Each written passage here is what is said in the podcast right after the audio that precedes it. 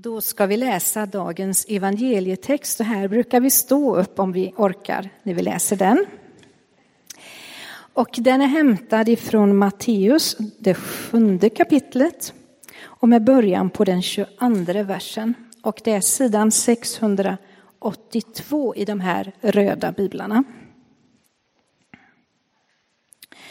På den dagen ska många säga till mig, Herre, Herre, har vi inte profeterat i ditt namn och drivit ut demoner i ditt namn och gjort många underverk i ditt namn? Då ska jag säga dem som det är, jag känner er inte. Försvinn härifrån, ni ondskans hantlangare. Den som hör dessa mina ord och handlar efter dem är som en klok man som byggde sitt hus på berggrund. Regnet öste ner, floden kom, vindarna blåste och kastade sig mot huset. Men det rasade inte eftersom det var byggt på berggrund. Och den som hör dessa mina ord men inte handlar efter dem är som en dåre som byggde sitt hus på sand. Regnet öste ner, floden kom, vindarna blåste och störtade sig mot hans hus och det rasade och raset blev stort. När Jesus hade avslutat detta tal var folket överväldigat av hans undervisning. För han undervisade med makt och inte som deras skriftlärda. Så lyder det heliga evangeliet. Lovad vare du, Kristus. Vi ber tillsammans. Tack Jesus för att vi får upphöja ditt namn. Tack för att vi har fått ära dig i lovsångerna den här gudstjänsten. Det du har skapat, men också det du är för oss, grunden i livet. Och vi prisar dig Jesus för att vi får stanna inför detta den här dagen och vi ber om andlig klarsynthet. Ge oss den genom din helige Ande. Amen. Det kan ju vara någon som inte vet vem jag är. Antagligen är det så. Jag är medlem här sedan några år tillbaka i Saronkyrkan. Och eh,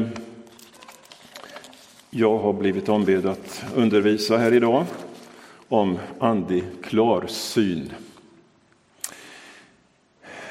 Fysisk klarsyn, det vet vi vad det är. Och vi vet att eh, det kan bli ganska komplicerat om vi inte har rätt glasögon, om vi tittar på reklamen ifrån tv. Eh, och eh, därför är det ju viktigt att vi går till optiken ibland. Det är kanske en del som är optiker här, jag vet inte. Och ni har en viktig funktion att fylla. Och jag märkte själv så länge jag bara använde läsglasögon att det blev en helt annan värld när jag började med progressiva glas. Eh, I andligt avseende så eh, behöver vi också andlig klarsynthet. Och jag vill spinna vidare på just det här då att det är lätt att vi hamnar med våra läsglasögon i en begränsad värld. Men den helige Ande vill utrusta oss med progressiva glas så att vi både ser det som är nära men också har en vision för det som ligger framför och ser vidare. Och jag tror att vi behöver det, att vi inte gottar in oss i en begränsning utan att vi lever här och nu med den heliga Andes ledning och progressiva glasögon. Eh, texten idag kan ju verka lite komplicerad om man, att få in det under det här temat på ett sätt. Det var ju ganska skarpa ord som Jesus uttalade, det som Andlis läste här. Men eh, då ska vi ha klart för oss att det här är avslutningen på Jesu bergspredikan. Det var de sista orden han sa, så det här var inte det enda, en kort fras, utan det är en, ett sammandrag kan man säga av Jesu lära i tre kapitel i Matteusevangeliet som handlar om mycket i livet. Det handlar om att handla på olika sätt i relationer, hur vi använder vår tid, bön, fasta och allt som ingår i en kristen människas liv. Och, till, och då kan man förstå att det finns en koppling till andlig klarsynthet. Jesus sitter där på saligprisningarnas berg som de blivit kallat utanför Kapernaum och undervisar folket. Och de blir så förvånade när han har slutat och säger att tänk vilken undervisning. Han gör inte som våra skriftlärde som bara läste lagen rakt upp och ner, ganska kanske oengagerat, utan han predikade med kraft. Han var Guds son, sänd i världen för att uppenbara nåden. Det var inte bara lag det gällde, utan det gällde nåd också. Men det var skärpa i hans undervisning. Och den har blivit bevarad genom den heliga Ande så vi kan läsa den två tusen år senare. Det handlade om vad hör vi och vad gör vi med det vi hör? När Jesus tar den här bilden av grunden så, så talar han om att det finns en grund som är lagd. Och det är ju förödande. Om det finns en grund att bygga på så bestämmer jag mig ändå för att bygga på sanden. Varför är det så ofta så? Ja, vi är komplicerade vi människor. Men vi har ju en egen vilja. Var vill vi bygga någonstans? Men grunden är lagd. Och eh, jag vill säga detta och då utveckla det vidare i det som Paulus skriver i, i episteltexten för den som har föreslagen för den här dagen.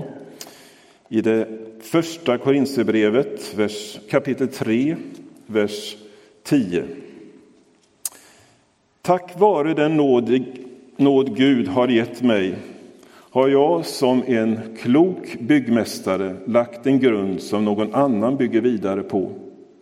Men var och en måste tänka på hur han bygger. Ingen kan lägga en annan grund än den som redan finns, och den är Jesus Kristus. På den grunden kan man bygga med guld, silver och ädelstenar, trä, gräs eller halm. Och det ska visa sig hur var och en har byggt. Den dagen ska avslöja det, ty den kommer med eld och elden ska pröva vad vars och ens arbete är värt. Den vars byggnad består ska få lön, den vars verk brinner ner ska bli utan. Själv ska han dock räddas, men som ur eld. Förstår ni inte att ni är Guds tempel och att Guds ande bor i er? Jag vill understryka från början här att här talar inte Paulus om den yttersta domen, utan det är att livsverket prövas. Och han säger att man blir räddad, men att det kan gå så att ens livsverk helt enkelt bara brinner upp. Och det är ju det som han skriver för att det ska förhindras. Vi lever ju i nådens tid. Livet här är nådens tid. Och Gud vill verka i oss under den här tiden så att vårt liv blir bra. Så att du får ett gott liv. Så att du känner att du får vara till välsignelse och andra i din omgivning blir välsignade därför att du finns. Paulus skrev den här texten till församlingen i Korint. Han var där på sin första missionsresa. Församlingen bildades, människor kom till tro och han stannade där ett och ett halvt, två år och sen efterträddes han av en som heter Apollos. Men Paulus hade talat om att det, var, ja, det var, fanns ett mycket fint i församlingen. Han ger erkännande i början av brevet, men sen finns det en del saker som måste korrigeras. Och han, det hade blivit partibildningar där. En del sa att jag håller mig till Kefas, och en del sa jag håller mig till Apollos, och en del sa jag håller mig till Paulus, och någon sa jag håller mig till Kristus. Eh, så att det var ju rejält uppdelat. Och det fanns anledning att ta tag i det här och det är det han gör. Var och en måste se till hur han bygger. Det gällde den enskilde, men det gällde också församlingen i sin helhet. Det är viktigt när man bygger i att man ser till hur bygger jag. Det är viktigt med både vattenpass och laserstrål och allt som kan göra så att bygget blir rakt. Först vill jag ställa frågan till mig själv och jag vill säga det också att när jag predikar idag predikar jag lika mycket till mig själv som till er. Det gäller oss, det gäller inte er, utan det gäller mig lika mycket. Och när jag har läst de här texterna så har det berört mig därför att livet i Kristus är, en viktig, det, är det viktigaste i vår existens här i livet. Eh, vad får det för konsekvenser om motivet att bygga ens liv är annat än göra Jesus Kristus känd, älskad och efterföljd? Vad, vad har jag för annat motiv för mitt kristna liv? Man kan använda sig av olika metoder i bygget, men målet måste vara klart. Varför bygger jag? Det är inte bygga för byggandets skull. Varför har jag kommit till Kristus? Varför vill jag fortsätta att bygga i, i, på mitt liv i hans namn? Vi vet att det finns något som heter byggfusk och det är förödande. Och jag, jag eh, kan ana eh, eh, det Jesus säger då i bergspredikan innan de sista verserna här att om ondskans hantlangare. Det finns sådana som faktiskt är ondskans hantlangare som för in saker i, i vår värld och i, även in i kyrkan kanske som gör att det blir störningar. Det kan handla om att jag söker en egen vinning i mitt kristna liv. Om jag gör det här, då kommer Gud att välsigna mig på ett fantastiskt sätt och jag kommer att verkligen tjäna på att jag är kristen. Nej, jag tror inte att det är jag tror faktiskt att det, då handlar om byggfusk. Eller att när vi, kanske gäller i stort sett eh, församlingar och så, att vi, vi bygger snabbt och fort och vi kan peka på det här har hänt under den här tiden, fantastiskt. Gud har gott om tid och Gud kan verka, men han är inte den som eh, stressar oss. Guds ande är inte stressande utan han vill att det byggs genuint och stabilt. Och sen gäller det då materialvalet. Paulus tog upp det här, det som var ädelt, det som, var, stod i, som bestod och han nämnde det dåliga materialet som, som brann upp. Ibland så frestas vi för att när vi ska bygga billigt så kan man ju bygga med material som inte är så bra. Och det visar sig efteråt att jag skulle ha valt ett annat material. Och det är ju bittert efteråt att få konstatera detta. Men jag vill säga detta idag när jag tar upp det här ämnet. Vi lever i nådens tid. Det går att plocka bort det dåliga och ersätta med det som är ädelt. Det är inte kört. Om du tänker bakåt och tänker att ah, det är kört för mig, jag har, det har gått fullständigt åt skogen med alltihop. Nej, det finns en möjlighet att ta bort det som är dåligt för att ersätta det med det som är ädelt. Och det är där den andliga klarsyntheten kommer in. Ser, kan Gud hjälpa mig att se vad det är i mitt liv som jag behöver plocka bort för att det ädla ska komma fram. Eller för att Gud ska hjälpa mig att göra det som han vill. Och Paulus varnar ju i likhet med Jesus då att inte ta lätt på det här med bygget utan att Guds ande bor i oss och Guds tempel är heligt. Vi läste eh, i Paulus brev här om grundstenen och ni sjöng också om grundstenen i sången här förut. Ehm, Petrus utvecklar detta i andra Petrus, i första Petrus brev i det andra kapitlet, ett par verser där från den fjärde versen. När ni kommer till honom, den levande stenen, ratad av människor men utvald av Gud och ärad av honom, då blir också ni till levande stenar i ett andligt husbygge.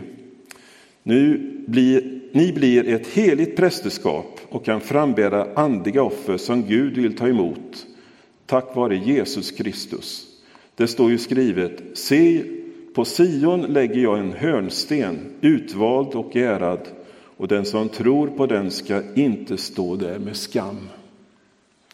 Det är väl underbart att det är så. Hörnstenen var viktig och är viktig. Och i den, de husbyggen som Paulus hänvisade till så lär det vara så, när man byggde i vissa hus i antiken i alla fall, att hörnstenen var som en prototyp till hela huset.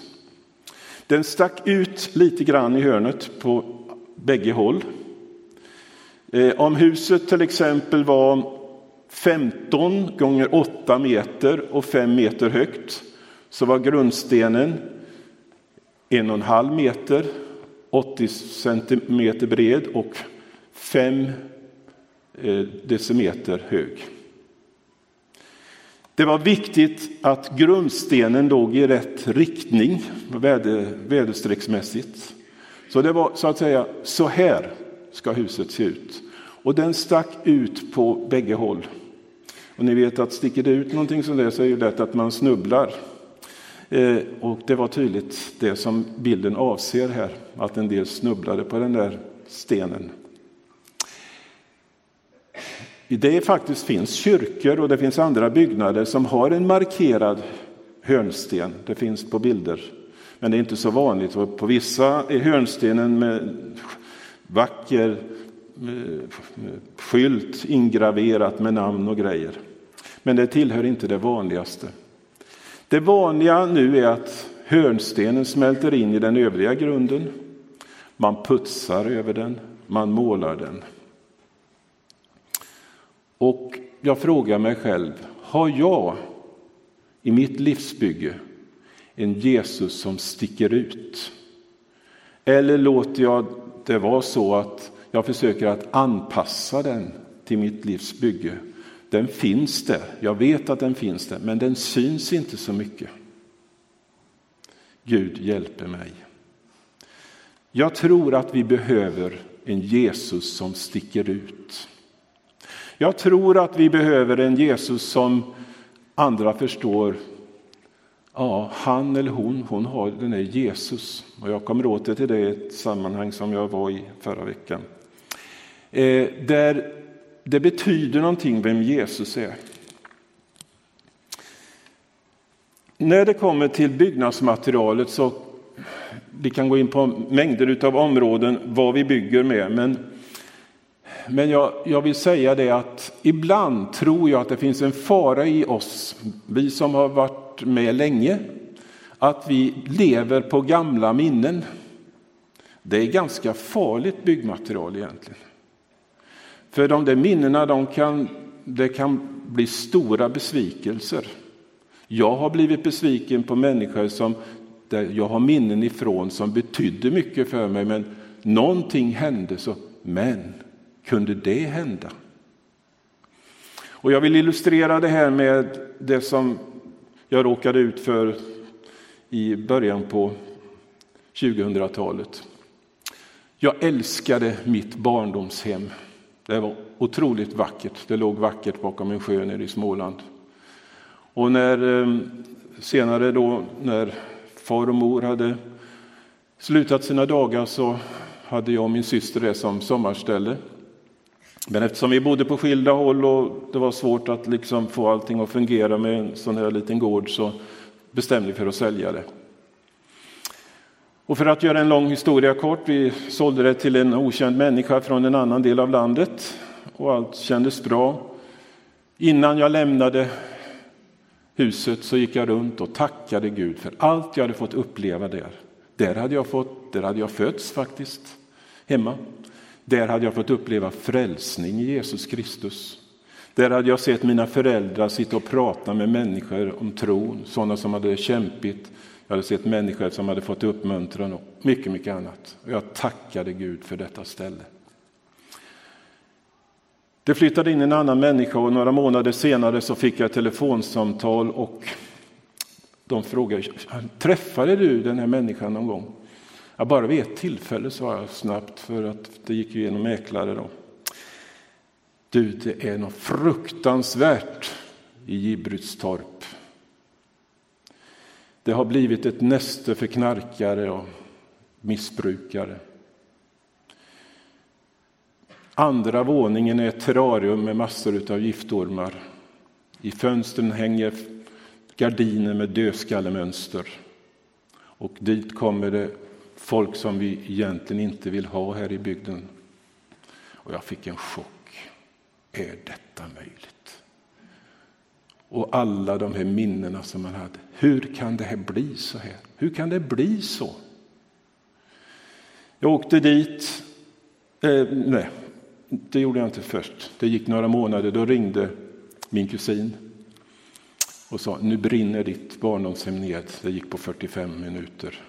Det finns inget kvar av det. De har lyckats rädda lillstugan på gården men huset är fullständigt nedbrunnet. Det visade sig då att den här människan hade tänkt att sluta sina dagar i huset, tände på, hade inte till, sinnesnärvaro och stanna kvar utan hoppade ut genom fönstret. Och tyvärr så orkade hon inte leva så länge till utan hon slutade sitt liv på ett annat sätt. Det var väldigt mycket frågetecken omkring detta. Och alla de där vackra minnena, det tumlade runt. Och ehm, jag kom dit sen, det fanns ingenting kvar. Jo, det fanns en grundsten sparad. Man kunde inte se vad huset Jag gick och kollade var var hörnen på huset. Det fanns inget, men en grundsten hade man plockat undan och ställt där. Och där stod initialerna ALHJ, Anders Larsson och Hugo Johansson som hade huggt ut stenen. Det blev så att min kusins dotter nu äger det här huset, eller det här stället och byggt ut den lilla stugan som räddades bredvid till ett härligt ställe. Hon är också kristen och på något sätt så återtog Gud området på något sätt. Men det som jag vill använda då det är den här grundstenen för där över står det välkommen står det på grundstenen på en skylt. Och jag skulle vilja säga så här. Det kan finnas väldigt mycket som har gått sönder i livet och minnen som gör att både positiva och negativa minnen som vi bygger upp vårt liv med ibland, eller förstör vårt liv med vill jag säga. Men Jesus säger välkommen och vår grundsten är Jesus Kristus. Och jag vill att du ska känna det då, hur än ditt byggnadsmaterial ser ut hittills så finns det möjlighet att bygga vidare på det som är ädelt och fint. Det handlar om hur vi använder vår tid, det handlar om vad vi pratar om, det handlar om vad vi lyssnar på, det handlar om vad, vi, vad som är första platsen i vårt liv. Och då behöver vi Andens glasögon, andlig klarsyn. Om den klarsyntheten parat med missionsuppdraget som Jesus gav oss, missionsbefallningen, om det präglar oss som medlemmar i vår församling så kommer det att få betydelse. Definitivt. Och jag vill sporra oss att försöka se framåt visionärt. Vad vill Gud göra med mitt liv? Vad vill han göra med ditt liv? Du har kanske haft en skön sommar bakom och nu ligger hösten framför och det finns mycket som vi har anledning att lyfta inför Herren tillsammans i församlingen, att be för. Men att vi var och en känner, jag vill bli uppbyggd utav dig Jesus utav det som är ädelt och det som är rent och fint. Och då vill jag säga att det här livets bygge är en möjlighet för oss. Det är inte någonting som man, åh hjälp, hur ska det gå med mitt bygge, ska det brinna alltihop? Nej, det är en möjlighet så länge vi är här. Och där kommer självprövningen in. När Jesus undervisar vid ett tillfälle så säger flera, vem kan stå ut med att höra detta?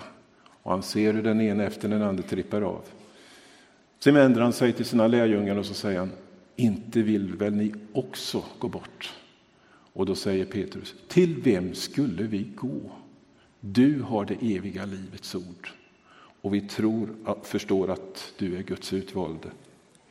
Till vem ska vi gå? Det finns ingen annan än Jesus som kan hjälpa oss med detta. Och eh, det är viktigt att vi inte fjärmar oss Jesus. Vi är kallade att närma oss Jesus. För vad händer med mig själv om jag fjärmar mig Jesus? Vad händer med min omgivning? Vad händer med nästa generation? Vad händer i vårt samhälle om vi som bekänner Jesus tar steg tillbaka? Nej, han kallar oss att komma närmare. Och Gud vill ge oss klarsyn så att vi ser var är jag på väg mot mitt förhållande till Jesus Kristus. Det har betydelse hur vi gör. Och vi kan få vara med på olika sätt att tjäna Gud och att vara med i det bygget. I veckan nu så ringde jag till en god vän som jag har som jag träffade för 45 år sedan faktiskt. Eh, på min första missionärskonferens i södra Afrika. Vi bodde i samma sovsal, bodde, hade sängarna bredvid varandra. Och jag var nyutkommen som missionär. Och jag tackar Gud för de intryck han förmedlade till mig, bara genom sitt sätt att vara. Han var inte den som hade några yviga gester, men otroligt fokuserad på, på Jesus och så vidare. Han jobbade med missionstryckeri, så han tryckte massor av biblar och sångböcker på olika språk i södra Afrika. Nu är han 97 år. Så han har ett långt perspektiv på livet. Han har mött mycket jobbiga saker. Men hans förhållande till Jesus är väldigt starkt. Och han sa det att jag har sagt, det börjar ju, jag är på övertid verkligen, sa han, men jag har sagt till Gud att har du uppgifter för mig fortfarande så är jag med ett tag till. Så berättar han i höstas och han har hemtjänst eh, en stund på morgonen, en stund på kvällen, men annars bor han själv i sin lägenhet. Och han hade varit ute och, och gått en halvtimme innan jag ringde då, still going strong så att säga. Då berättar han att en ifrån hemtjänsten som kom till honom ibland sa en dag Du, du måste ha ett väldigt gott liv. Ja, säger han, det, det har jag. Jag tror på Jesus och det har betytt så mycket för mig genom hela livet. Ja, sa den här från hemtjänsten, det där är ju intressant. Den där Jesus skulle jag vilja veta lite mer om. Ja, visst, sa hon. Men hur ska jag göra? Ja, men han finns ju här, sa hon. Vi kan be tillsammans. Ja, det kanske vi kan göra, sa hon. Och de ber tillsammans och när de har bett så säger den här mannen, men sa han, det hände någonting när vi bad. Det här var konstigt. Han gick därifrån och sen var det andra som kom från hemtjänsten andra dagen, men sen kom han tillbaka den här och då frågade, fick han frågan, hur går det med, med din tro? Och så, du sa, det här var märkligt, sa han. Jag blev totalt förvandlad. Mina arbetskamrater frågade mig, har du gått och blivit religiös eller vad är det som har hänt med dig? Nej, sa jag, jag har inte blivit religiös men jag har börjat att tro på Jesus. Så i vardagen kan vi få vara med och bygga Guds rike. Och jag vill komma tillbaka till det. Alltså jag önskar att den hade så mycket mer frimodighet. Vi har ju inget att förlora om vi, Jesus är det bästa att kunna dela med sig det på ett enkelt och naturligt sätt. Och jag kände mig så tacksam och glad att få höra det här vittnesbördet som en sporre för min egen del, men jag vill dela det vidare till er. Att vi har andliga glasögon så vi ser, inte bara sitter för oss själva, utan ser upp Ja, men det finns ju en som jag möter i vardagen. Han behöver ju Jesus också. Om en stund ska vi dela nattvarden. Och i en vers efter de instiftelseord som, vi, instiftelseord som vi brukar läsa så står det var och en måste pröva sig själv, sedan kan han äta brödet och dricka bägaren. Den heliga måltiden skiljer sig ifrån andra måltider. Det är ett möte med Jesus Kristus. Och det är han som vill möta dig och mig idag. Så att vi ser klart. Så att vi får vara med och dela glädjen av att vara i hans stora familj och se hur bygget går vidare. Tiden förändras, men Guds rike går vidare och en dag är hela byggnadsprocessen klar. Då rivs byggnadsställningarna och vi kommer hem till Herren. Det är den framtidsvisionen lever vi med. Låt oss be tillsammans. Herre, jag ber att vi ska kunna ha en andlig klarsynthet i det liv vi lever. Tack att vi lever i nådens tidsålder. Tack att det inte handlar om fördömande utan du vill handla i oss, du vill reparera oss. Du vill låta oss få uppleva hur du bygger upp oss så vi blir starka i dig. Helige Ande, kom över mig, kom över oss Kom över vår församling den här hösten som ligger framför. Vi ber om en tid när du möter oss och andra som inte har lärt känna dig. Vi tackar dig för att det är möjligt, därför att du lever och att din ande vakar över ditt verk i tiden. Amen.